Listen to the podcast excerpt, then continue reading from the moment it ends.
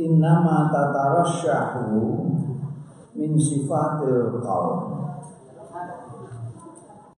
angin mestine mapan nancep ngantek dadi laku-lakune gauta-gauta badan. Iku min sifatil qalbi saking dene sifat-sifate ati mulane fa in aratta mongko tetkalane ngarepake sira hifdzal jawarihi ing ngreksa gauta gauta fa alaika mongko wajib ing atase sira bitadhiril qalbi kelawan nyucikake ati. Kadang-kadang orang tidak sadar bahwa apa yang diperbuat tangan yang diperbuat mata, diperbuat kaki, ya, diperbuat lisan, itu sebenarnya cerminan manifestasi dari kondisi dan sifat-sifat hati. Ini hati ku elek, yang dilala ngomong tak ngomong ya elek. Ini hati elek, tangan barang itu yang ngeplawi iku takwal batin. Iku sing jenenge takwa batin ya kuwi ngresiki ati. Wal qalbu tawi ati wa ya qalbu iku al mudghatu alati idza salahat salahat kena soluhat kena Odo kenai bahwa salahat yurna bahwa saluhat yurna tapi sing fase itu salahat Najan saluhat kena tapi salahat Jadi yang ngomong mau saluhat ya coba salah no. Kena Allah yang jero Gandane kalau itu mudra alati ida sholahat kekalane bagus pantut apa lati sholaha mongko pantut biha sebab lati apa sarirul jasa. Sak penae sekabiane jasa. Wa idza fasada tapi nek rusak iya lati fasada merusak biha sebab lati mau opo al jasa jasa kaya dingendikake kanjeng Rasul sallallahu alaihi wasallam. Kanjeng Rasul ana fil jasati mudghah. Wa idza salahat salahat salahat salahat salahat jasa wa idza fasada fasada jasa. Itu sih sopan, untuk sopan hati sih kan Rasul Jadi di dalam diri kita ini ada segumpal daging yang namanya kol ala wahiyat kol dari kanjeng Rasul Ada segumpal daging kalau ini baik maka seluruh tubuh kita baik. Kalau buruk seluruh. Ini bisa diartikan secara fisik atau secara rohani.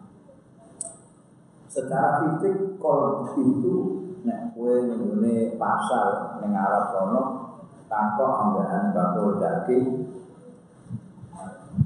anda tol kue takok tol. Wih, itu jantung. Ini gini ada mana nih hati Alkohol dua hati Nanti sama sing bekas santri pengen Arab Terus kon hati-hati terus kalbun kalbun ya. Kalbun kalbun bumi sakoto hati-hati mbok tiba itu mereka ini selalu dimaknani kalbun itu hati Tapi ning pasar Arab ning bakul daging kok takok kalbun ya dikai jantung. Mereka secara fisik bahasa Arab jantung kok. Nek api sing nggo sate iku kita. Kowe takok ati mbak nggo sate kowe takoke kita ning Arab kowe nek umroh kok haji bikin dah itu nanti nek kowe muni trikol dikai jantung. Ning kene gak biasa jantung digoreng di sate kan gak biasa. Nah, menurut Imam Ghazali, semua yang fisik di dalam tubuh kita itu disertai oleh sesuatu yang nurani. Jadi ono fisik, ono nurani ini. Hati yang fisik ada hati yang nurani. Maka di Indonesia ada istilah hati nurani. Itu tidak ada fisik. Tapi dia dekat dengan fisik. Ini yang dimaksud ini campuran antara dua-duanya. Nah, bu, maknanya fisik, ya benar gawe kajian. Kalau jantung itu rusak, awak kabeh rusak. Begitu. Maknanya hati dalam pengertian apa namanya hati yang biasa maknai secara rohani itu lebih tepat lagi karena wong sing atine kotor itu tercermin dalam luarnya tanggung itu terus elek tangan dia itu nabohan sikile itu nyadukan atau pergi kemana-mana. Kalau hatinya mulanya membesar daunnya nah kue kepengen nggak untuk badanmu, lisan, melipat tangan, sikil segala macam ini apa? Terus ini hati, apa apa? Mergo, nah, apa hati ini, apa jasa elek hati ini, elek jasa Pas tanggil mongko ketungkul sira sibuk sira biislahihi kelawan bagusake mantokake kaum. Kita suha supaya patut disebab patut dekol sholahu opo jawari kita gampang gampang. Sibuklah kamu untuk membersihkan hati. Jadi sibuk membersihkan kelakuannya orang, tapi sibuklah membersihkan hatimu sendiri. Kalau hatimu nanti bersih, semua kalau badanmu akan bagus. Wasolahu utawi patute patute kalau patute hati kalau iku yakunu ono apa patute kalau bimulazamatil muraqabah. Kelawan terus netepi mulazamah eh mulazamah mulazamatul muraqabah. Netepi terus muraqabah. Muraqabah itu injen-injen injen-injen itu tegese injen-injen maknanya itu gue harus selalu merasa bahwa kamu dia diinjen-injen diawasi dening Allah Subhanahu wa taala. Keimanan itu menjadi kunci karena dengan murakab murakabah kamu merasa selalu diawasi oleh Gusti Allah. Kita kan selamanya itu kadang-kadang standar kita itu diawasi publik, diawasi masyarakat bukan diawasi Gusti Allah. Nek neng kampungnya dhewe wapi alim khusuk sak piturute. Tapi sudah di luar lingkungan kampungnya kono. Jakarta apa ning Singapura. Terus saenake dhewe ora hati-hati kayak zaman ning kampung. Kenapa? Karena tidak ada yang ngawasi. Nah ini kampung diawasi konco-konco dulu sak piturute. Berarti dia bukan Allah standarnya. Nek muraqabah iki mbok ning kene Jakarta, Singapura selalu hati-hati karena dia merasa diawasi terus oleh Allah Taala. Nah ya. Itu harus mulai zaman yang kepengen apa. Al-qawlu fi ma'asil qalb. Ini pembicaraan mengenai maksiat-maksiat hati. maksiat maksiat hati ini yang menyebabkan kemudian bleber nih gue gauto gauto Iklam anas sifatul mazmumati al-mumata fil qalbi kathira iklam ngerti sira anas sifatul mazmumata setuhune sifat-sifat sing tercela fil qalbi yang dalam hati kathiratun oke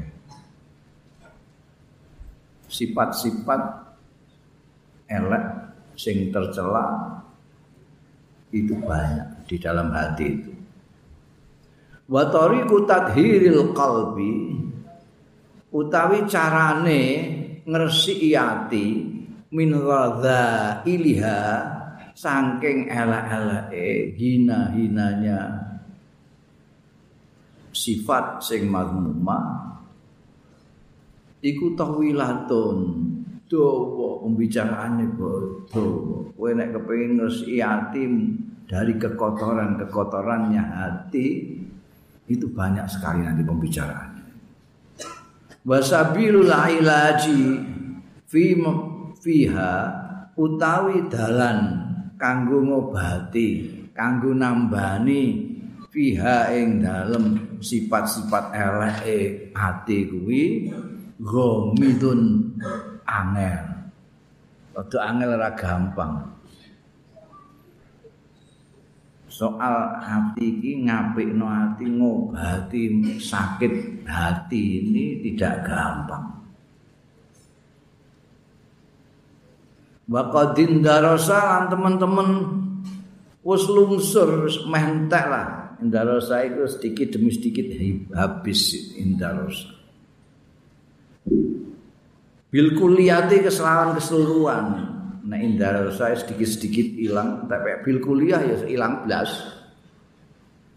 Apa ngilmu ngilmune nambani penyakit-penyakit hati. Wa amalu lan ngamale tadhirul qalbi kalau rujuke. Dadi ilmu wo ngilangno kotor-kotore ati ku wis meh luntur meh gak ngamal ya gak wong sing bekerja untuk membersihkan hati itu gak sing akeh iku wong sing kepengin membersihkan kelakuane wong liya membersihkan hatinya sendiri itu hampir sudah jarang sekali Wong kok sibuk memperhatikan dirinya sendiri dalam pengertian untuk memperbaiki diri sendiri sudah jarang sekali. Nek berbicara tentang diri sendiri, ya artinya kepentingan, kepentingan, kepentingan. Kepentingan pun kepentingan yang sesaat, bukan kepentingan jauh sampai masa depan dino kiamat bareng. Nek masa depan mesti hati ini itu jadi sasaran penelitian dia. Kene apa kok ngilmu ning ngamale wis lungsur. Li ghaflatil khalqi an ampusihim. Krana lalainya. Wong kuno nek maknani talumpe.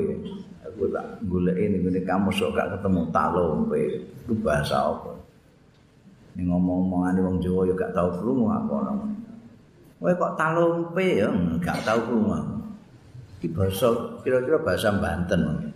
Bab apa makna gandul itu kan mulai ini kok Mbah Nawawi Banten. Nawawi Banten karo Mbah Soleh Darat. Talumpe. Maksudnya talumpe pokoknya ini bahasa Indonesia ini lalai. Li ghaflatil khalqi sebab lalainya menuso an anfusihim saking awak-awak dhewe ne menusa kena apa kok lali awake? Wasti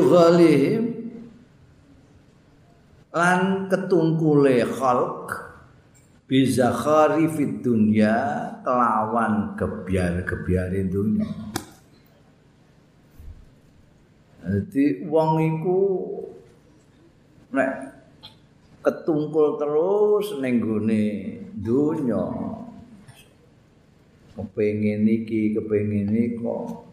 Wis duwe sepeda ontel kepengin sepeda motor. Wis sepeda motor kepengin mobil.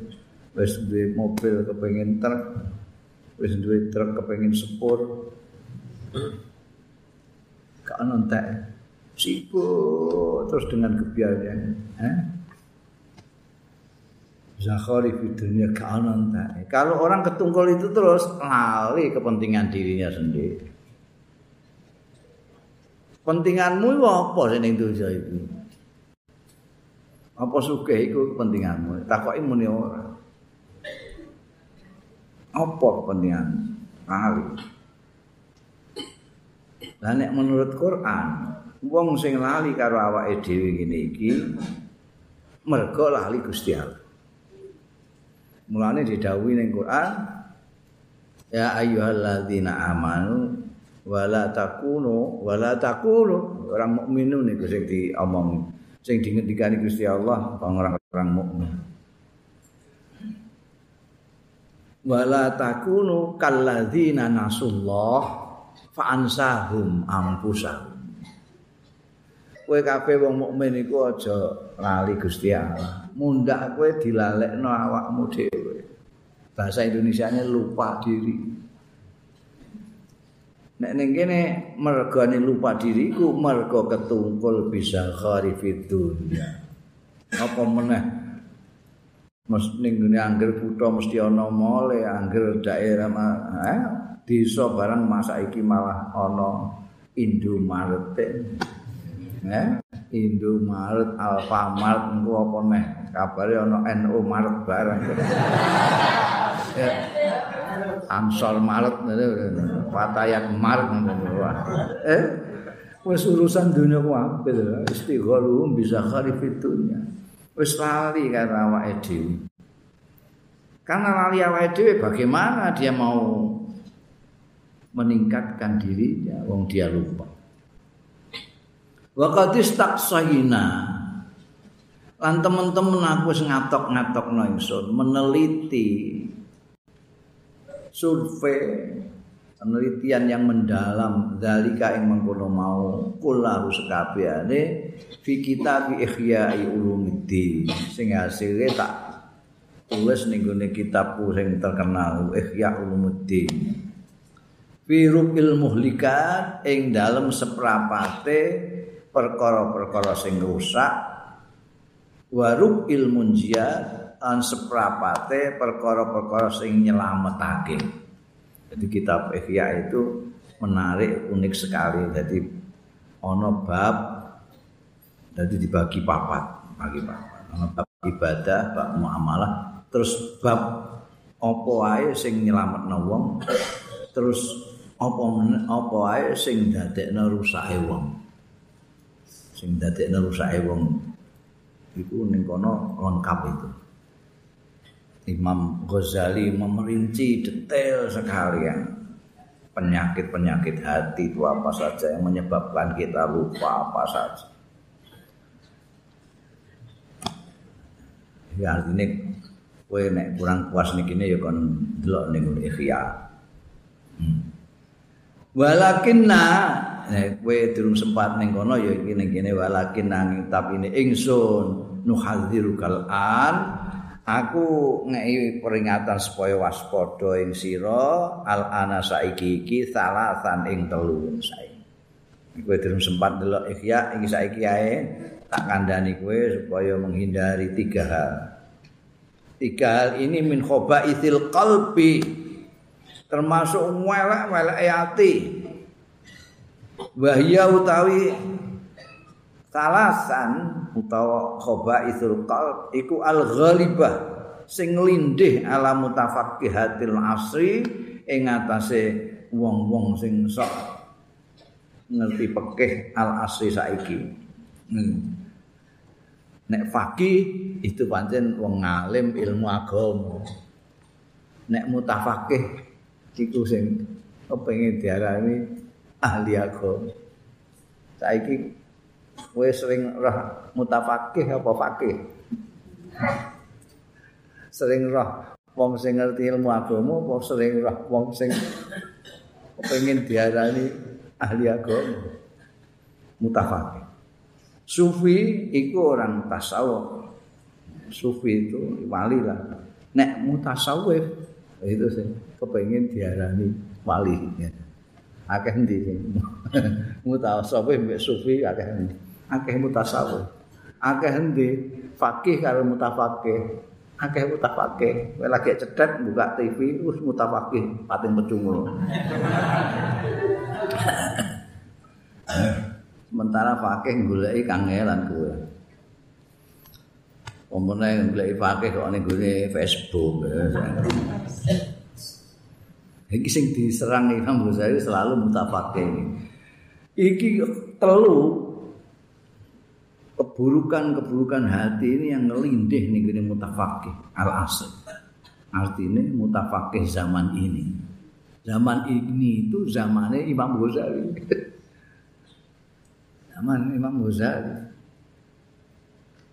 abad ke-11 ini ya abad ke-21 eh, Imam Ghazali saya sugeng gua gak bisa bicara beliau hmm, mutafakih pating terecek Kenapa saya akan memberikan tiga ini li takhuda minha supaya ngalap sira minha saking salasan iki hadroka ing ati-ati waspadamu supaya kamu waspada. Sebab apa? Pak innaha mongko setune salasan iki iku muhlikatun. Iku perkara-perkara sing ngrusak fi amfusiha ing dalem awak-awak dhewe. wahya utawi telu mau durung disebutno telu iku apa tapi telu iki penting. Wahya utawi telu iku ummahatul ummahatul apa iku? Ummahatun no no. Ummahatun itu merupakan induk-induk mbok-mbokan. Li jumlatin minal khobais. Kedua sejumlah minal khobais sanging keelean-keelean.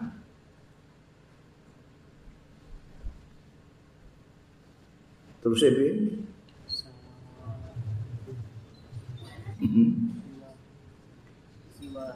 siwa piye kok siwa itu ya mesti kan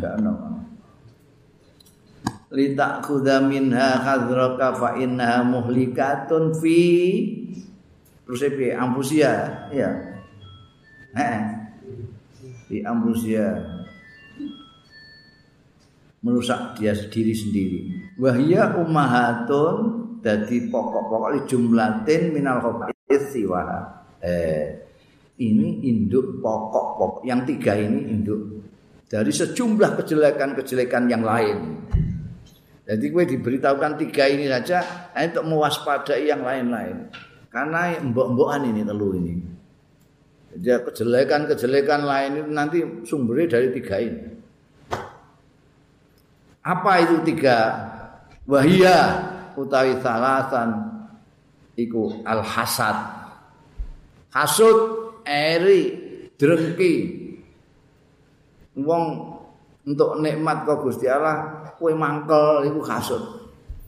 Kamu sing paling Gusti Allah kok kowe mangkel.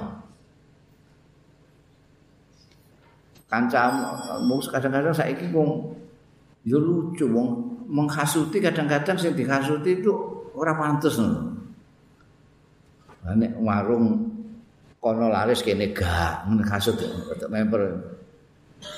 Kon bolak-balik roh warunge kono kok sing tuku pirang-pirang kene kok sepine ra karuan. terus timbul kasut. Iku mesti nganggo dukun kok. Mosok saben dina kok kebek terus ora wayahe mangan barang mesti kebeke. Nek ora ya kanca-kanca dhewe kok. Kadang-kadang hasud itu memakan diri sendiri. Terus bisa berlaku sampai ekstrim. Terus golek dukun, nyantet bareng ngono. Hasud. Iku wis rada pas. Ana sing hasud iku mergo kancane dikon ngimami. Iku ya ora pantes blas. Terus ini mah. Biar yang pondok pinter aku deh. Saiki deh ngimami. Wengkae iku. Yo wong udah mripate yo. Tutupan bathok iki. Wong dapure ngono dadi imam. Iku wong imam. Imam kok dikasut itu piye? Dagang lalu itu kasut. Ya biasanya itu sing hasud itu awake dhewe. Nek ambek wong liya gak tau hasud. Padha kajine ngono. Padha dagange kasih hasud. Kaji karo Cina gak tau hasud. wong di Cina gak tau gak ngono. Padahal ya luwih maju Cina ndek ora hasud. Tapi sing maju kancane dhewe. Ora ati. Nomor siji hasud pas iki. iki nggo cekelan kowe engko eh kowe engko ning gone wis mulai dadi kiai kabeh ya engko ning kampungmu kono sing sak ana sing tunggal mondok kowe pinter kowe timbangane dikne dikne yo gawe pondok kaya kowe. Pondoke kowe rame timbangane kowe. Ngono iku terus ondok hati-hati kowe ya aja ngantek aja ngantek. Naudzubillah min dzalik aja ngantek. Butuh santri-santrimu Weh ngaji kene tok Jerono, awas jerono Ngono sing asut ngono. Iku kudu positif thinking dalam bahasa utone iku. Kowe kudu positif thinking. Piye? Alhamdulillah akeh sing rono. Ini tanggung jawabku mau sithik. Ono sing akeh. Alhamdulillah. ana umara eh an nek to mriki iki anu mau pelajarane mau ndek-ndekan mau tepe sing dhuwur mriko dadi iso kan enak kowe tanggung jawab mau sithik kono akeh. Positif thinking ora kok mau lho apa nek kowe terus santrimu akeh terus kowe tambah dhuwur swargamu ngono piye? Ya iku hati-hati. Iki penyakit mutafakih orang-orang yang kepengen jadi kiai itu penyakit hasut ini yang menyerang. Nek mau ndek-ndekan ya ora ana kasut-kasutan. Lah apa sing dikasuti apa? Padha ra duwe ini padha bodhone ya gak ana kasut-kasutan wong iso gak ana. Sing pinter-pinter ya. Sing kasut-kasutan. Ini diterima deh, pegawai ini kene ora kasut. Ono sing ngantek ngedekno masjid gara-gara kasut. Iku mau kancane sing dianggap luwih bodho timbangane dhekne didadekno imam pengarep niku. On khotbah, khotbah gak enak kabeh ning kuping ini. Dipertahankan terus. Saking gak kuat terus kondo karo yayasan diganti mawon. Lah wong seneng kan, oh sing seneng apa nih? Ora iso dipengaruhi. Gawe masjid dhewe ae. Ngajaki wong-wong urunan gawe masjid. Masjid iku seberang dalan. Kene masjid sing lawas, kene masjid tangga. Corong itu diadep norono. Tukaran lewat corong, toa itu. Disik-disikan azan. mergo nek sing adzan dhisik iku sing sah iku akhir zaman hasud-hasudan antarane wong duwe ngel insyaallah nomor loro waria ulan ria. Ria itu pamer. Yuraunan nas wong ibadah ora diketok-ketokno Gusti Allah tapi diketok-ketokno manusa itu ria. Nah, ria itu sementara, gak apa-apa. Nek dadi watek sing nek sementara gak apa-apa. Jadi kowe misalnya mulang pertama kali saya pamer-pamer ya. imami pertama kali pamer-pamer eh terutama pamer eh. biasanya sebagai dirian ina atau ina kalau kudu. Saiki macane sabikis karo atakan itu itu pamer-pamer Lho iku nek pertama kali gak apa-apa, nek nek terus-terus iku lha apa? Kowe iku lha apa? Wih, dikonokno iku wis pisan tak wis. Kurang yo ping mindo. Wih, san. Ping telu, wih, mosok selawase wih ah wih. Ndak maregi no di wih ah wih. Ya. Jadi ngono iku terus liya iku dadi karakter iki sing bahaya. Apa-apa terus kudu pamer mbok ketokno manusa, apa-apa mbok ketokno manusa. Mbayang mbok ketokno manusa. Sedekah mbok ketokno manusa. Kowe arep ngetok-ngetokno poso ora iso. Kita ketok napa nih poso itu piye carane ngetok-ngetokno. Terus ibu-ibu ida itu Wong ya salah paham rumangsane kowe cacingen. Mulane Gusti Allah ndawuhna poso iki kagungane Gusti Allah. Ora iso diriyai sing gak iso ameh riya poso iku rada angel. Liyane pidato, kowe pidato pertama kali pamer gak apa-apa. Suwe-suwe wis pamer iku ya lucu. Dikeploki seneng ngene iku ra zaman latihan kitobah Selasa. Kowe nek wis anu ya wis-wis ya ora terus pengen ngono sing teko akeh terus wah sukses pengajian sing sukses. Wakih sing ngrungokno aku. Ngono. Nek sithik ah sepanitiane geblek ten. Ah pidato apik-apik gak sing ngrungokno. Itu sudah orang yang jadi penilaian bukan Allah Subhanahu wa taala riya bahaya yang kedua. Yo ora ana sing kanggo Gusti Allah terus sing ndi. Nomor telu wal ujbu, ujub. Ujub itu bangga diri, gawok ambek awakmu dhewe iku.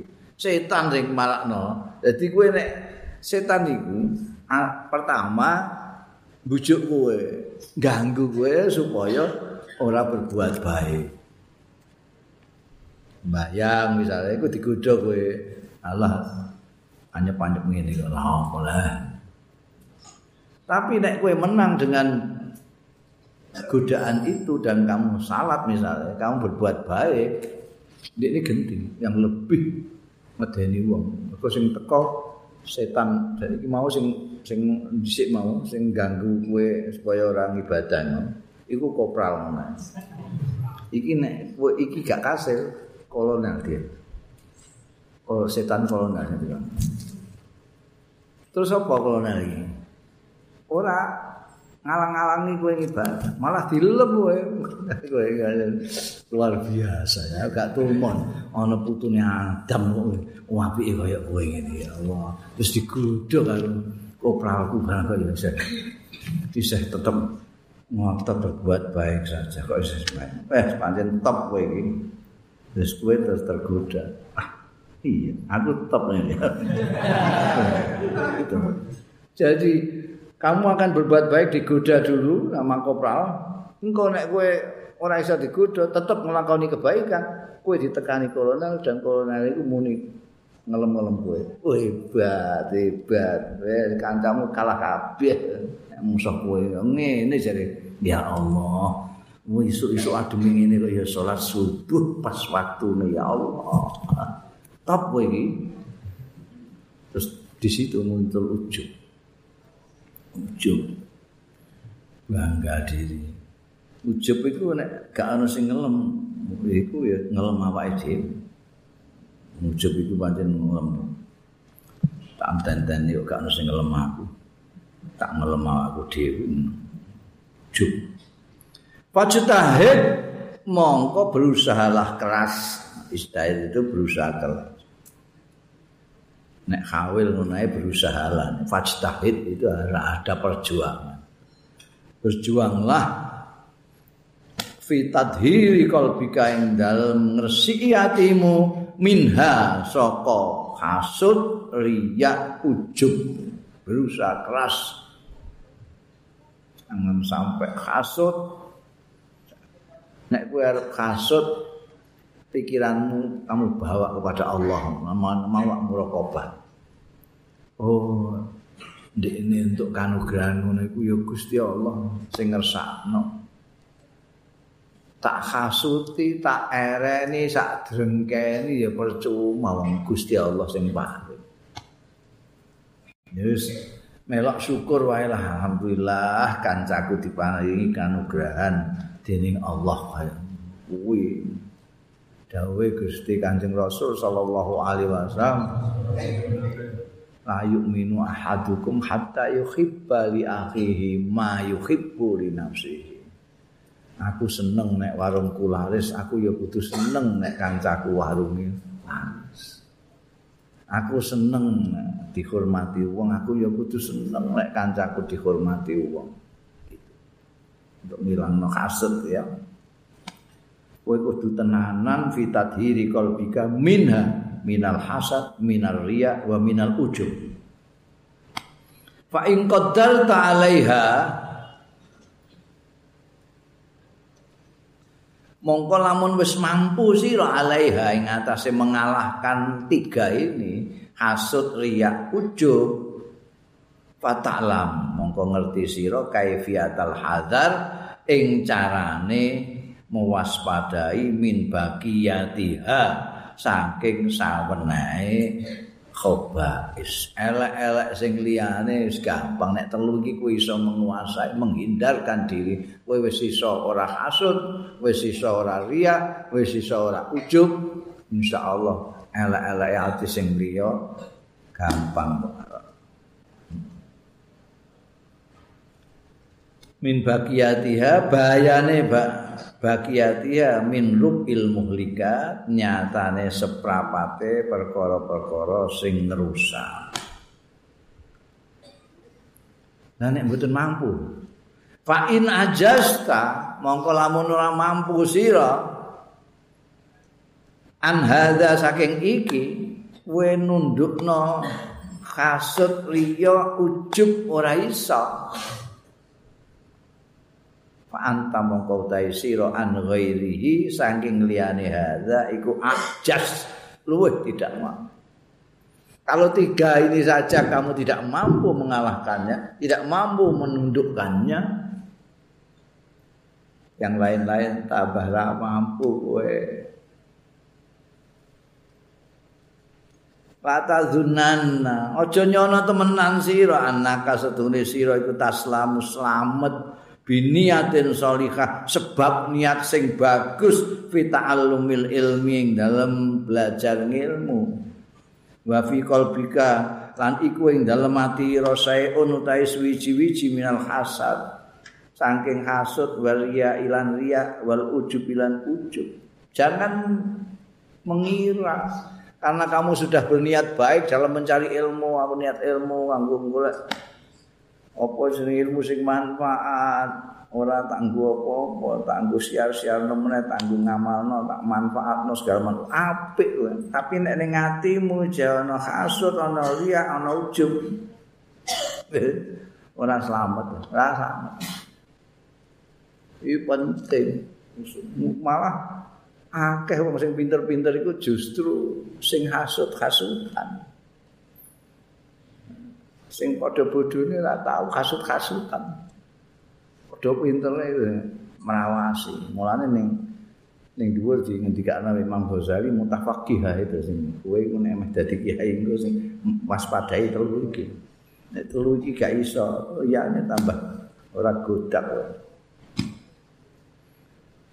Kowe nek niatmu golek ilmu wis bener telah tapi nek gak ngilangi saka atimu kasut riak lan ujub ini saya bahaya.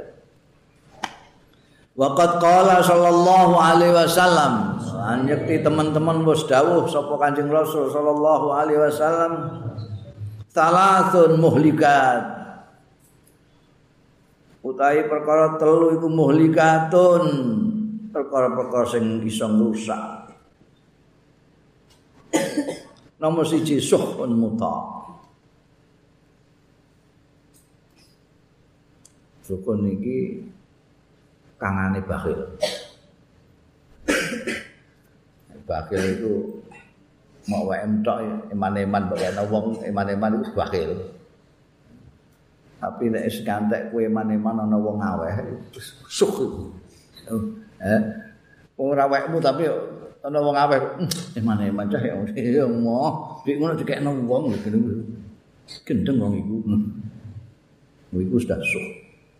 Suhun muta dituruti. Bakil bareng gak nuruti. Aja mbok kekno jare ini coba kekno. Apa ini lah nyambut gawe ya gue ndak tuman deh gue gue darah di bank ya usah ya wis gak tak kamu ditaati kebagilan diikuti wahawan mutbak lan hawa nafsu yang diikuti ini mau ditaati ini diikuti hawa nafsu dituruti ya pengen ngene dituruti, ngene dituruti. Ngejak tukaran turuti. Wa ijab nomor telu wa ijabul mar'i lan kagume gawoe wong binafsi kelawan awak dhewe wong. Telu ini ngerusak gawe Kanjeng Rasul sallallahu alaihi wasallam. Sukhun muta wa hawan mutba wa ijabul mar'i binafsihi. banggane wong ning gone awake dhewe. Amal hasad berarti dikatakan hasud ini mbok-mbokane. Hasud riya ujub mbok-mbokane keelekan-keelekan yang bisa merusak kita. Amal hasad ana dene hasud huwa mutasya'abun minasyukh. dia itu tercabang minas suhi saking iki bakil itu. Hasud itu dari sini. Fa innal bakhila mengkostune wong sing bakhil, wa ya bakhil iku alladzi yabkhalu wong sing medhit bima lawan barang fiyadi kang ana ing tangane ladzi. ala ghairi ing atase liyane. Ndekne diwehno wong liya iku emane-eman gak gelem ngeki wong iku jenenge bakil wasyahi kangane bakil sing disebut sukh waladhi yaqalu wong sing medhit mate Gusti Allah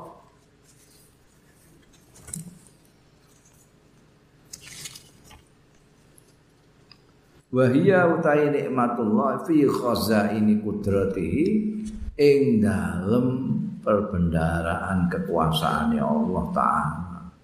La fi khazainihi ora nek ning gone gudange ndekne. Ndekne medhi medhi ala ibadillah ing atase kawula-kawulane Gusti Allah taala.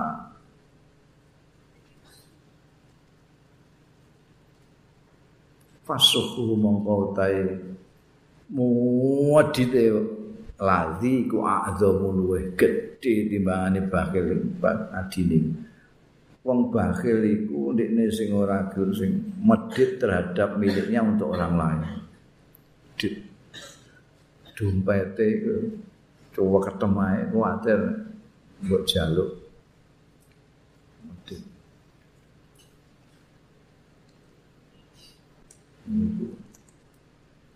Angger lek-lek kemari dikunci dibuka dikunci kok menawa duwe ana sing ilang.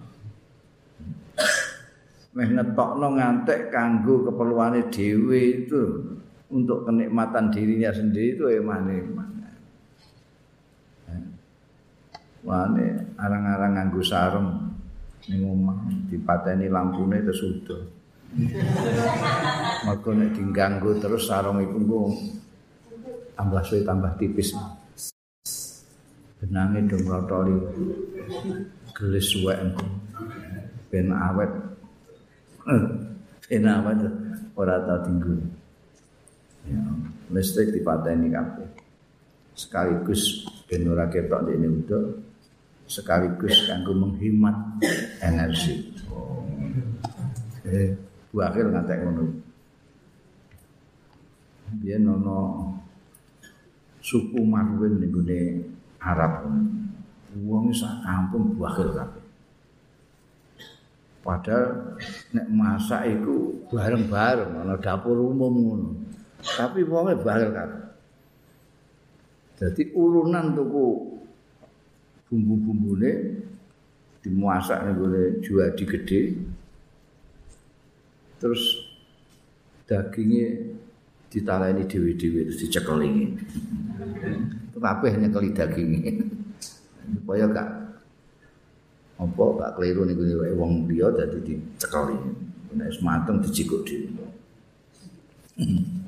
Wakil itu maneman wae dhewe kanggo wong liya. Nek hasud melebihi itu, syukur itu melebihi itu. Syukur itu adalah eman-eman bukan dari dompetnya, bukan dari lemarinya, bukan dari berangkasnya, tapi dari berangkasnya Gusti Allah. Sing diparing no, karo wong liya ini keberatan. Dura kok lemarimu kok kowe keberatan. Iki kok lemari ini Gusti Allah. Ora kok gudangmu kok. kowe keberatan. Iki gudange Gusti Allah diparingno kawulane dhewe. Lah kowe kok lara atimu lah apa? Mergo duwe syukur. Jadi dawuh Kanjeng Nabi tiga tadi asyukul muta itu yang menjadi kemudian menjadikan orang hasud itu kan gitu. Dia enggak rela ana wong diparingi Gusti Allah. Ora trimo dekne gak rela duwe dikene wong. Tapi gak rela Gusti Allah maringi wong lucu kawula kawulane dhewe diparing kok kowe lara ati mulane fasuhu a'zam wal hasud utawi wong sing hasud nek hasad iku hasude iki bahasa Indonesia hasud kabeh hasud iku wonge hasad kelakuan. Wal hasud utawi wong sing hasud Wa utawi al hasud iku alladhi yashukku alaihi wong sing apa jane? Gak enak kabeh ya syukur itu merasa ndak enak ya itu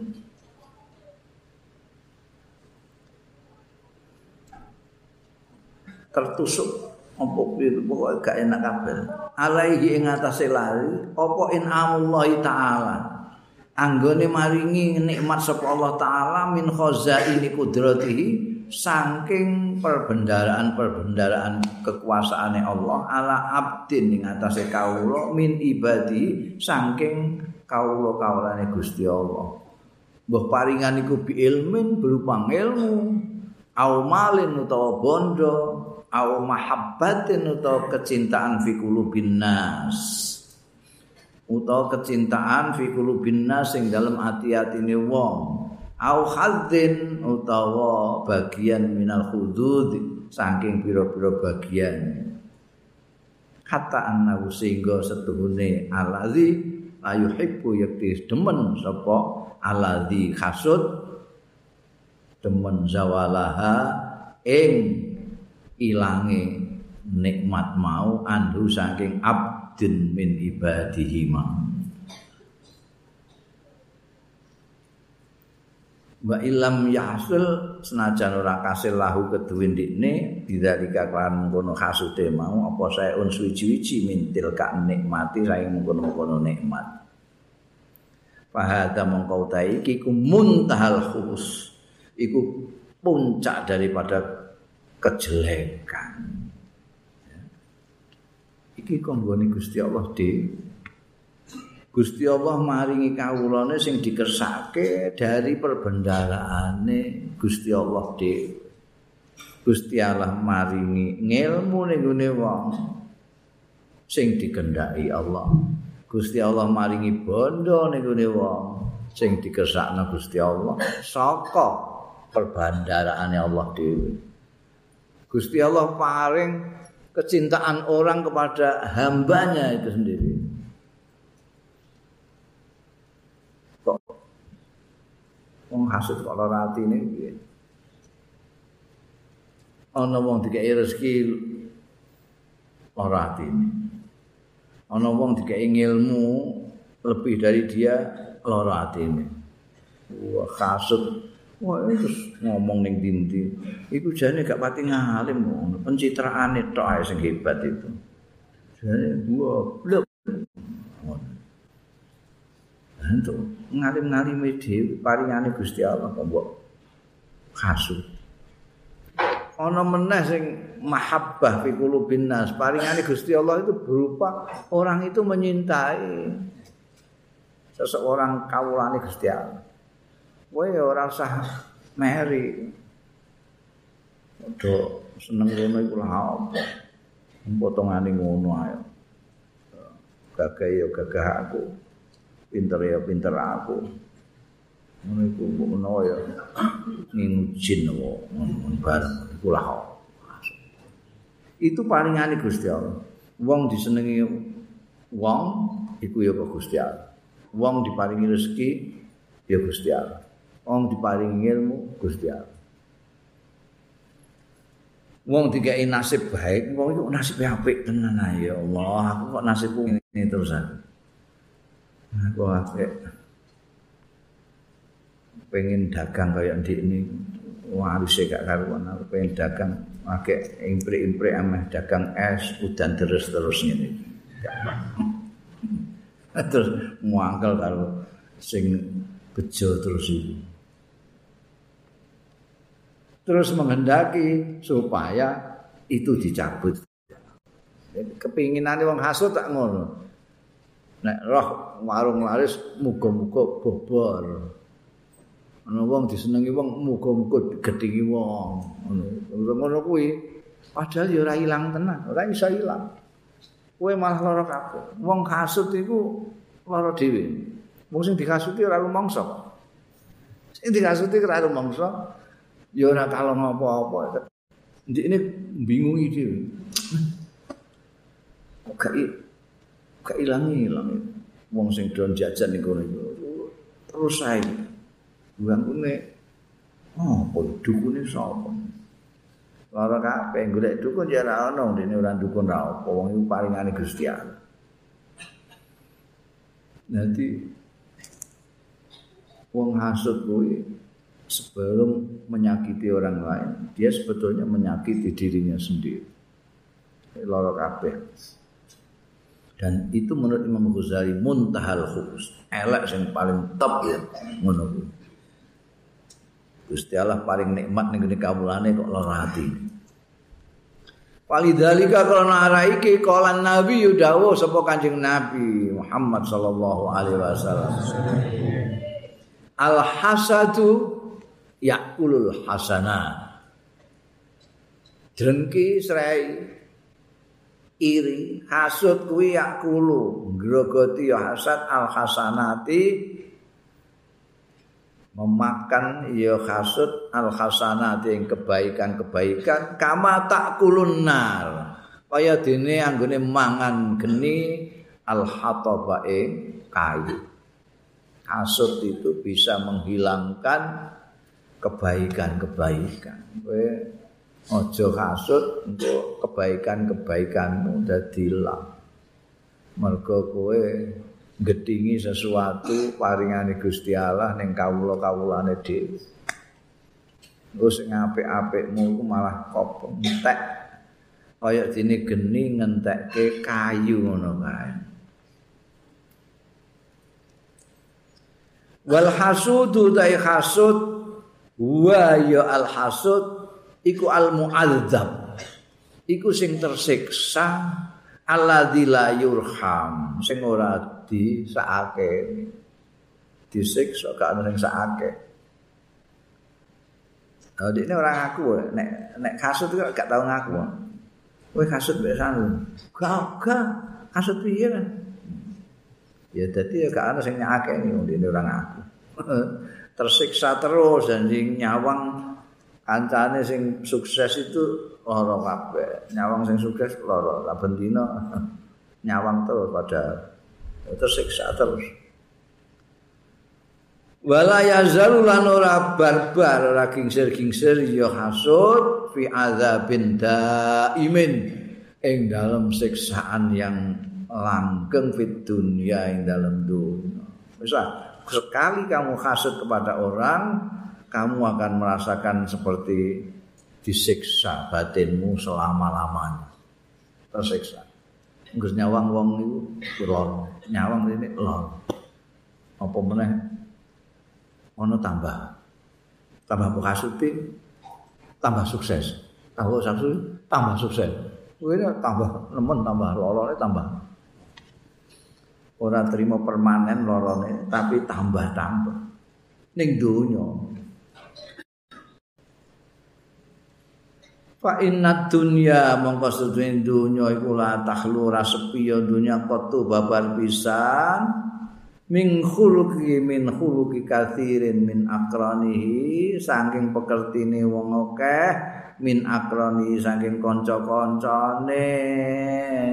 Hasud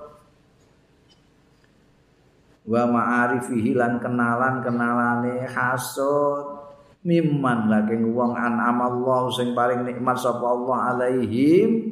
Ing atase khalqun kathir mbah bi ilmin lawan diparingi ilmu. Au malin utawa bondo. Au jahin utawa pangkat. Para yazalu mongko ora kingsir-kingsir ora barbar terus menerus si hasud mau fi adzabin daim. Ing dalam siksaan yang langgeng. Fit dunia ing dalam dunia ila mauti sampai sampai mata wala adzabul akhirah lan nyekti utawi siksa. Akhirat iku asad luweh nemen luweh dahsyat wa akbar lan luweh gedhe. Wong sing hasud itu terus menerus akan wong sing wis duwe sifat duwe karakter hasudan itu tersiksa terus menerus. Kenapa? Ini misalnya hasud karo si A. Karena si A itu apa namanya sukses. Kalau ini sing misalnya si A ini lunga indah misalnya gue ana si B ya sing sukses juga ini hasud nih Engko ana C sukses hasud juga. Terus nek pirang-pirang iki kancaku kok sukses kabeh kok gak dhewe lho tambah nemen dik. Tambah nemen. Iku ning dunya. Mergo kanca-kancane itu banyak yang diparingi Gusti Allah apa saja. Kalau dia kok hasutan merinan ya wis lara terus lara terus. Iki dikai tambahan ilmu iku tambahin tambahan rezeki iki untuk tambahan pengaruh dan seterus-terusnya. Ini terus lara atine terus. Eh, mati kaku kowe. Iku siksa ning donya sampai mati ngono terus ae. Nek gak dilangi sifat kasute ning akhirat wah luwih dahsyat meneh luwih gedhe siksane. Bal yasilul abdu. Balik ora iso sampai sapa abdu kaula ila haqiqatil iman. Maring hakikate iman malam yuhib lisail muslimin. Selagi ora iso seneng iya abad lisail muslimin kanggo sawenehe wong-wong Islam sesama orang-orang muslim ora iso seneng maing barang yuhibbu kang seneng sapa abad li nafsihi kanggo awak dhewe ne kan iku mau tak waca mau. Dawuh kanjeng Nabi Muhammad sallallahu alaihi wasallam la yu'minu. Ning kene dimaknani karo Imam Ghazali la yasilul abdu ila haqiqatil iman. La yu'minu ora mencapai hakikatnya iman ahadukum sapa salah siji kabeh. Hatta yuhibba sehingga ndekne iso demen li akhihi kanggo dulure ndekne. Ahadukum kama yuhibbu kaya ndekne demen inafsi kanggo awake dhewe. Kepengin kowe iman tenanan ya kowe kudu seneng nek dulurmu seneng. Nek dulurmu warunge laris kowe ya kudu seneng. Mergo kowe ya seneng nek warungmu laris. Kowe seneng sukses kowe kudu seneng nek dulurmu sukses. Kowe seneng nek disenengi wong kowe ya kudu seneng nek dulurmu disenengi wong. Gitu. Ya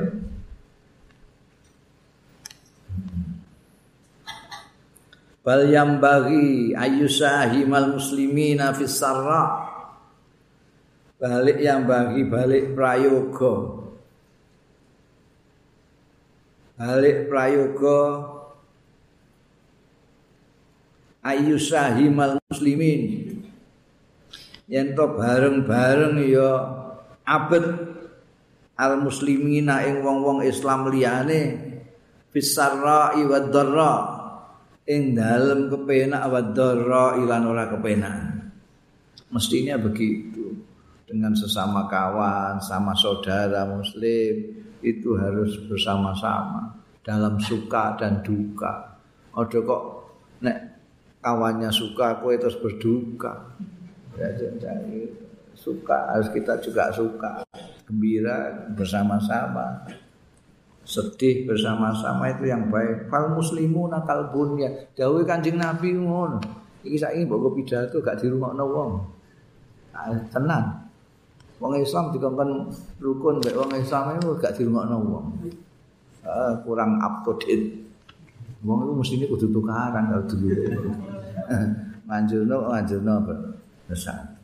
Mbok waca hadis iki ditakokno kowe, iku sahih ta ora? Fal muslimuna utawi wong-wong Islam kal bunyan. Kaya bangunan al wahid sing satu. Nah, redaksi ini nih hadisnya kal bunyanil marsus. Nih kene Imam Ghazali membahasakan kal bunyanil wahid. Seperti bangunan yang satu orang Islam itu. Satu sama lain. Dari sisi. Ya sudu ba'duhu ba'don. Memperkuat apa sebagian orang Islam ba'duhu. Ba'don yang sebagian yang lain. Kayak bangunan. Dan itu saling menguatkan satu sama botol satu dengan botol yang lain saling menguatkan. Bukan seperti botol tidak tapi seperti bangunan sudah jadi bangunan saling menguatkan. Iku wong Islam, ora kok saling hasut-hasutan.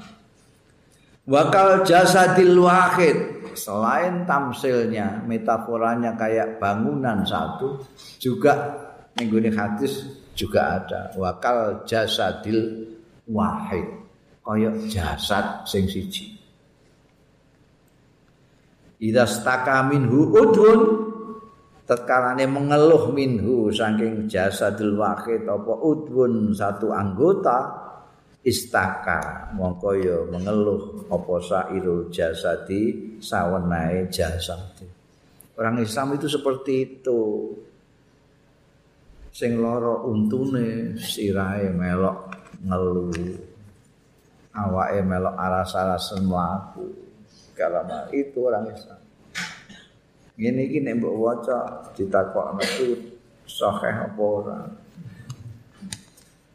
Orang kok sebab orang mempercayai hadis tapi mergo ini orang kepengin kaya jasa wahid itu. Kepengine ya pencok-pencok, lara untu ya terus di syukur-syukurno ambek andase ambek tangan syukur wakananmu sing ora ora bualung barang mbok kletak. Melu ngelu sudi aku moh ngelu. Kau ana lara untuk sirahe gak melok ngelu kau. Tapi itu berlaku kanggo sing dikei metafora Islam ora gelem kaya jasadul wahid. Fa in kunta la tusadifu hadza min qalbika. Mongko lamun ana sira iku la tusadifu ora nemu sira hadza ing iki min qalbika saking atira. Pasti golu kamu kau ketungkul ira bito labit takhallusi. Kelawan golek selamat minal halaki saking kerusakan iku ahamu luwe penting min istighalika saking ketungkulira binawadiril furu kelawan longko-longkone persoalan-persoalan cabang. Bakas piye? Nek mbayang antarane makmun karo imam kedangdangan kocok. Iku bangsa nawadirul furu ngono iku Waktemu mbok entekno kanggo ngono iku ora mbok go neliti atimu, eh mbok go bakas ngono-ngono iku. Bahsul masail piye? Nek ana makmum ambek imame kedangdangan kaca, sah apa ora makmume? Malah macane keliru tenang. Ora diwaca kaca, diwaca gajah. Piye nek ana makmum kedangdangan gajah? Iku kaca macane gajah. Bulet baksul masail. Gajah kok ning musola ku piye? Jadi bakas sing ke bangsa kono-kono itu cawangan-cawangan membakas kunut, dia membakas terawih ku 11 apa 60. Bangsa ngono anggur mbok mbok goleki selamatmu melewati hatimu itu. Binawadiril furu'i wa ilmil khusumat. Lan ngilmune tukara berdebatan golek dalil-dalil. Piye carane? Eh. Ya Allah. Gunakanlah untuk meneliti hati supaya jangan hasud itu hasud wa amal riya'u ana dene riya fahuwa mongko ta riya iku asyirkul khafi. Riya iku sirik halus. Dadi apa jenenge? Larangan-larangan Gusti Allah sing gedhe-gedhe iku ana sing kasar ana sing halus mateni wong iku ana sing kasar ana sing halus mateni wong sing kasar ya tembak ndase dua mati. Iku mateni wong sing kasar. Ana sing ora. Bojone dilarakno ati terus. Hmm? duwe kaya ngai kaya sedina 10.000 tapi kudu ayam terus nek ora terus ditabuk keliru sithik diamuk. Ditinggal tengah wengi lagi mulai. Mulai ditakoki bojone konti mas ngamuk kan cangkem. Konti tek konti atau akok bareng. Dilus-lus bojone dijorokno bojone sesuai waktu Sese watuk. Watuk sese makku metu getah. Sese makdut mati. iki, mateni pelan-pelan, mateni halus. Syirik ana syirik halus yaiku arya bahwa syirkul khafi, syirik sing sama. Wa huwa utawi syirik riak iku ahadu syirkain salah satunya syirik loro wa dzalika utai mengkono. Riak iku tolabukan nuntut ira al manzalata ing kedudukan fi qulubil khalqi. Ing dalem ati-atine manusa litana lah supaya mengkoleh sira kelawan manzalah mau al jaha ing pangkat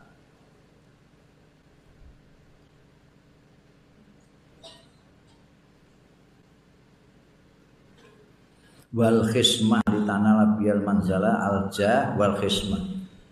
Wal khismah itu kesungkanan ben wong do sungkan karo kowe ngono. Liya itu mau mana diarani syirik? Mergo kita ibadah kita berbuat baik itu lillah. Kanggo Gusti Allah saja. Gusti Allah saja. Tapi iki kowe berbuat baik tapi gue boleh lemu wong. Ben dianggap hebat. Ben kowe terus diangkat menjadi orang yang disegani. Apa itu ruwete jadi ora mergo golek ridane Gusti Allah.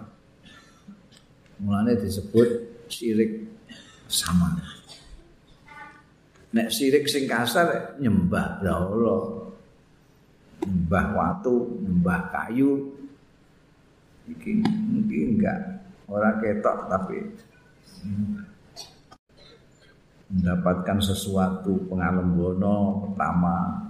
Dapat kedudukan di hatinya orang-orang yang nyawang kue ape kubul jah utai demen pangkat iku minal hawa al termasuk saking hawa sing ditutno. Kaya dawuhe Kanjeng Rasul mau sukhun muta wa hawa muta sing sukhun muta menghasilkan hasud sing hawan mutba menghasilkan hubbul jah.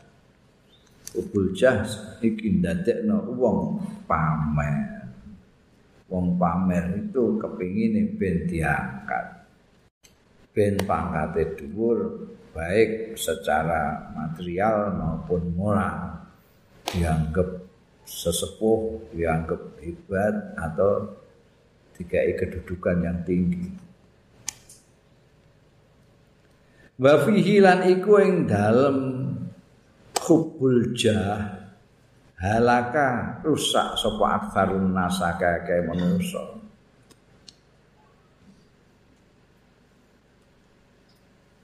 Fama ahlakan nasu ilan nas. Mongko orang rusakan nasa ing wong ilan nas kejaba wong. Sing rusak wong iku wong. Walau ansofal nas lamun sadar apa nasu insaf sapa nasu wong hakikatan secara nyata tenanan la alimu yakti ngerti yonas anna aktsara ma hum bi setune akeh barang hum kang utahe nas piye ing dalem ma minal ulumi saking pira-pira ilmu wal ibadati lan ibadah-ibadah fadlan an amalil adat. Apa meneh anak malil adati saking amal-amal kebiasaan? Laisa yahmil ora iso nggawa ya mamau hum ing nas alaiha. Ing atase ulung ibadat mau illa muraatun nas kejaba mameri menungso. Wahya utawi muraat iku mamerno ning gone manusa iku. Muhbitoh itu muspraake lil amali marang pira-pira ngamal. Muspraake itu artinya gak ganjaran. Ngamal getunu tapi musra mergo gak ana ganjarane kok wong ibadah sing mestine kanggo diketok-ketokno Gusti Allah tok ketok-ketokno wong. Golek ilmu krana wong ibadah krana wong. Sampai nglakoni sing apik-apik secara adat kebiasaan yo mergo wong. Diketok-ketokno wong kabeh itu ngamale wis gak ana ganjaran kama warada fil khabari kaya dene. Alang kang tumeka ya ma fil khabari dalam hadis yaiku anna syahid setuhune wong sing mati syahid. Yuk marubi yaumal qiyamah ilanna diperintah bihi kelawan syahid. Yaumal kiamat ing dalam dina kiamat ilan neraka wong ana sing mati syahid digawa ning neraka iku kok. Ayakulu mongko ngucap sapa syahid? Ya rabbi do pengen kula istashhadu kula mati syahid Gusti fisabilika ing dalem margi panjenengan. Kula berjuang fisabilillah kula. Mulyate kok jenengan bentuk teng neraka sepundi fayaqulullahu taala mongko dawuh sapa Gusti Allah taala. Bal aratta ayuqal innaka suja alah bal aratta dek. Balik ngarepno sira ayuqala yen to diucapake. Apa anaka sedune sira iku sujaun orang yang pemberani. Ngono ta kowe? Ah itu apa wong kowe perang bendarani wong kendel wong pemberani ngono to. Meneng ae kaya jawab. Waqat kila dzalika lan teman-teman diucapake apa dzalika mengkono-mengkono anaka suja. Wa dzalika utahe mengkono mau. Iku ajru ganjaran. Kowe berjuang fisabilillah iku mau aju terus ngantek kowe kan kepengin mati syahid kowe. mesti ini ngono nek kowe pancen mati saya tenan ta kowe ora kepengin benderani orang yang pemberani musuh diparani kabeh jadi musuh diparani ben kowe diarani kendel ngono diarani pemberani ngono ta Lah iki wis kowe wis wong-wong kanca-kanca wis ngarani kowe pemberani. Dadi kowe wis entuk ganjarane iku. Wong kowe sing goleki dianggap pemberani. Nah iki wis dianggap pemberani kok ya wis. Nah iki kan njaluk apa. Wong wis diganjar ngono. Eh, eh, iku ganjaranmu ya kuwi, pengalame kanca-kancamu kuwi. Wa kadzalika iku kaya mengkono-mengkono syahid mau yukalu diucapake lil alimi kedue wong sing alim wal haji lan wong haji wal qari ilan kiai ngono kok jane kowe arek kowe dadi wong alim iku dadi kiai dadi kaji. Hmm. ono sing kajine iku ya wis kepengin ben diundang Pak Kaji ku ya. Ono kaji ketemu gak tau di gak tau dicopot. Wadus barang wis. Udah tapi kedune gak dicopot dilokno. Oh larang. Bayare 20 ewu muncul. Waduh iki toko-toko nang Mekah.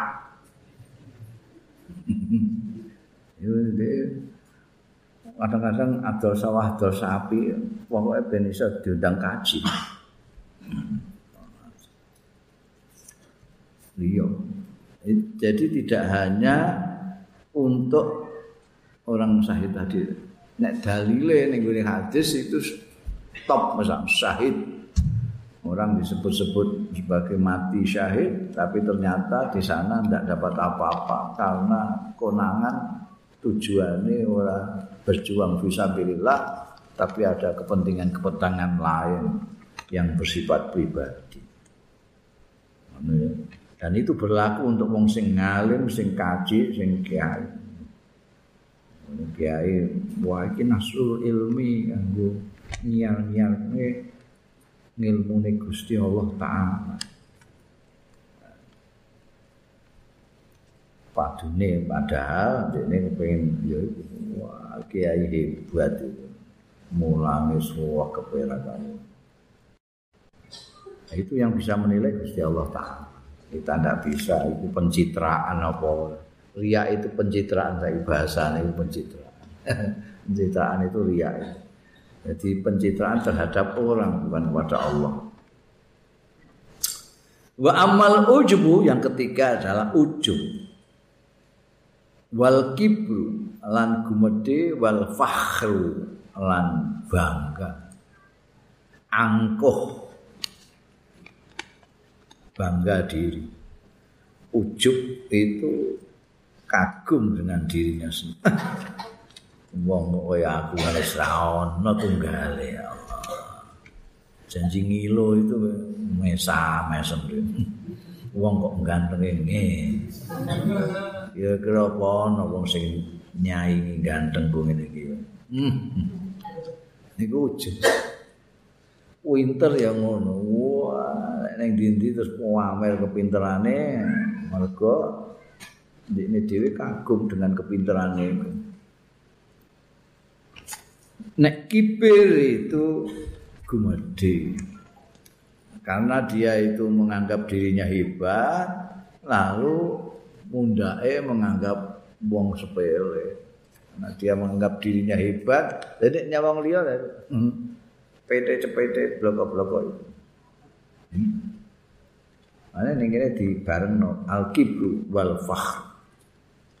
Fahuwa mongko tai ujub iku adda udol. Itu penyakit yang akut penyakit akut. Artinya akut itu angel tambahan-tambahan itu. Mbok Singapura, Malaysia, bangga mari-mari ujub. udol. Wa huwa utai ujub iku nadzul abdi nyawange kawula ila nafsi maring awak dhewe ne abet bi ainil izzi kelawan pandangan mulya wal istidzam lan nganggep agung. Wa ila ghairihi lan maring liyane abet bi ainil ikhtiqar kelawan pandangan ngrendahake. Wa dzullilan ngino wa natijatu utawi natijae akibate hasile ujub ala lisani ngatasé lisane manusa. Iku ayyakula yen to ngucap sapa abet ana wa ana aku ana aku ana. Macane ngono kama kala iblis kaya ngucap sapa iblis iblis Allah inu sing telaknat ana khairun minhu. Saya lebih bagus minhu tinimbangane Adam. Ngawuk dikongkon hormat Adam wira ketemu pirang perkara. Ana khairun minhu. Saya lebih bagus minhu dari Adam. Kolak tani jenengan nitahake kula minarin saking geni wa kolak tahu lan nitahake panjenengan ing Adam mintinin saking lempung Tapi yang mencedakake mriki. Mangga kaku yang baik. Mane gua aja cedak-cedak iblis. Wong kowe lempung. Iblis iku kok lempung cedak-cedak karo geni kaku kowe. Nek kowe saya jadi lempung bisa iso dibentuk macam-macam. Mbok bentuk kendi iso, mbok bentuk angklo iso, mbok gawe gendeng iso tapi nek kena geni wis ra iso apa-apa kowe. Paling akhire kok dadi kreweng. Gak iso mbok jurneh mbane wis ra iso. Ane ati-ati separek-parek geni. Iku digo kebanggaan. Embean setan iblis ku Ndikne sing diawasi awake dhewe terus anak. Kula jenengan kan hormat kali kiambak kula kan jenengan ditake geni kiambak kok lempung bloko-bloko. Ten. Iku nanti jahe nek wong iku ujub nanti itu akan gitu jadi saya lebih hebat dari kamu saya lebih hebat dari dia saya lebih hebat dari kayak kelakuan iblis. Wa samratuhu tawi buahe ujub fil majalis sing dalem pira-pira majelis iku at-tarafu. Wah guk guk kepengin dhuwur eh gak gelem linggih ngisor ning dhuwur. Wa taqaddum an kudu ning ngarep. Wa talab but tasaduri lan jaluk ngarep dadi pengarep. Mungkin rumangsa lebih baik kok. Lho iki siapa? Yang mimpin nanti siapa? Ah, Pak Pulan. Loh kenapa enggak saya? Pulan itu siapa itu? Ya itu ke, keputusan kawan-kawan itu Pak Pulan yang akan mimpin. Ya sudah kalau saya gitu saya enggak ikut rapat. Oh, boleh ini gak didadekno kepala gak gelem berarti. Jadi harus jadi kepala. Karena dia merasa paling hebat itu. Ujub itu merasa paling hebat. buahnya dia kepengen nengar, kepengen jadi kepala, kepengen gitu. Eh, eh wa talab wa talabut tasaddur fiha ing dalam majalis. Wa fil muhawalah lan ing dalam diskusi ngono. Utune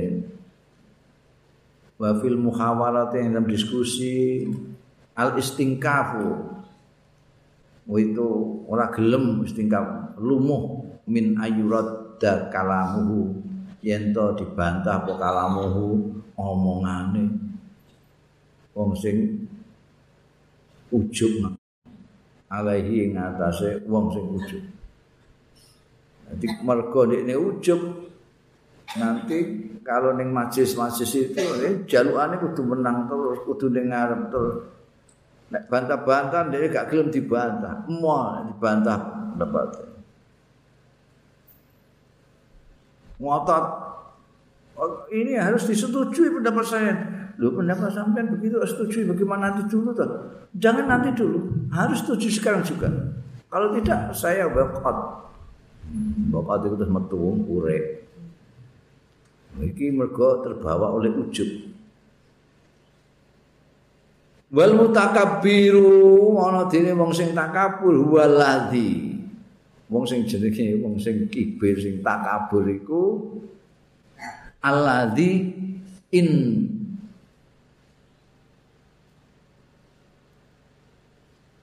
in muidza in muidza anifa.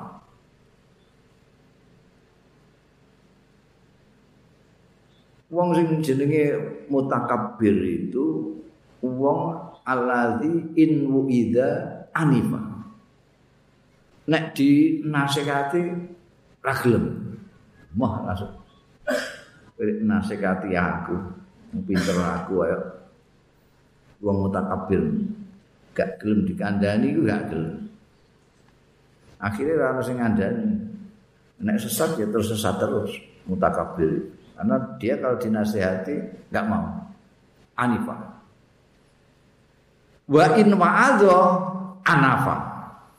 Ini kata-kata api. Idza wu'idha anifa wa in wa'adha anafa.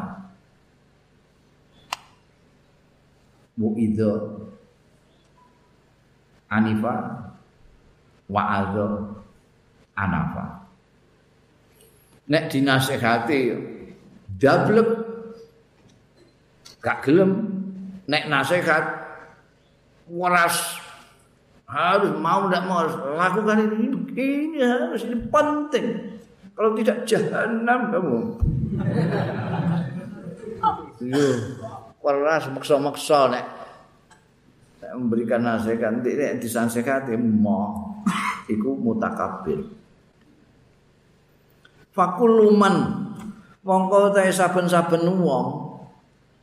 Roa kang ningali ya kuluman. Nafsahu ing awak dhewe man ningali khairan ing bagus min akad luweh bagus. Man roa sapa kuluman roa. Mongko ta saben-saben wong. Roa kang ningali ya man. Nafsahu ing awak dhewe man. Ningali khairan ingkang luweh bagus min akadin saking seseorang min khalqillah sing makhluk Gusti Allah taala fahuwa mongko utahe man iku mutakabbirun iku sing jenenge mutakabbir iku wong sing nyawang awake lebih baik dari orang lain dan ini bahaya mergo iku padha karo iblis Mulane dawuh Kanjeng Nabi Muhammad sallallahu alaihi wasallam la yadkhulul jannata man fi qalbihi misqalu dzarratin min kibrit. Iki naudzubillah. Wong ora iso mlebu swarga nek ning atine isih ana kibir kesombongan walaupun hanya misqala dzarratin. Sekecil apapun kibir harus dihilangkan. bermula dari menganggap diri lebih baik dari orang lain.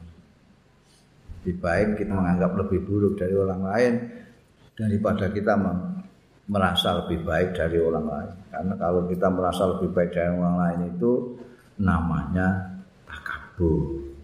Ya.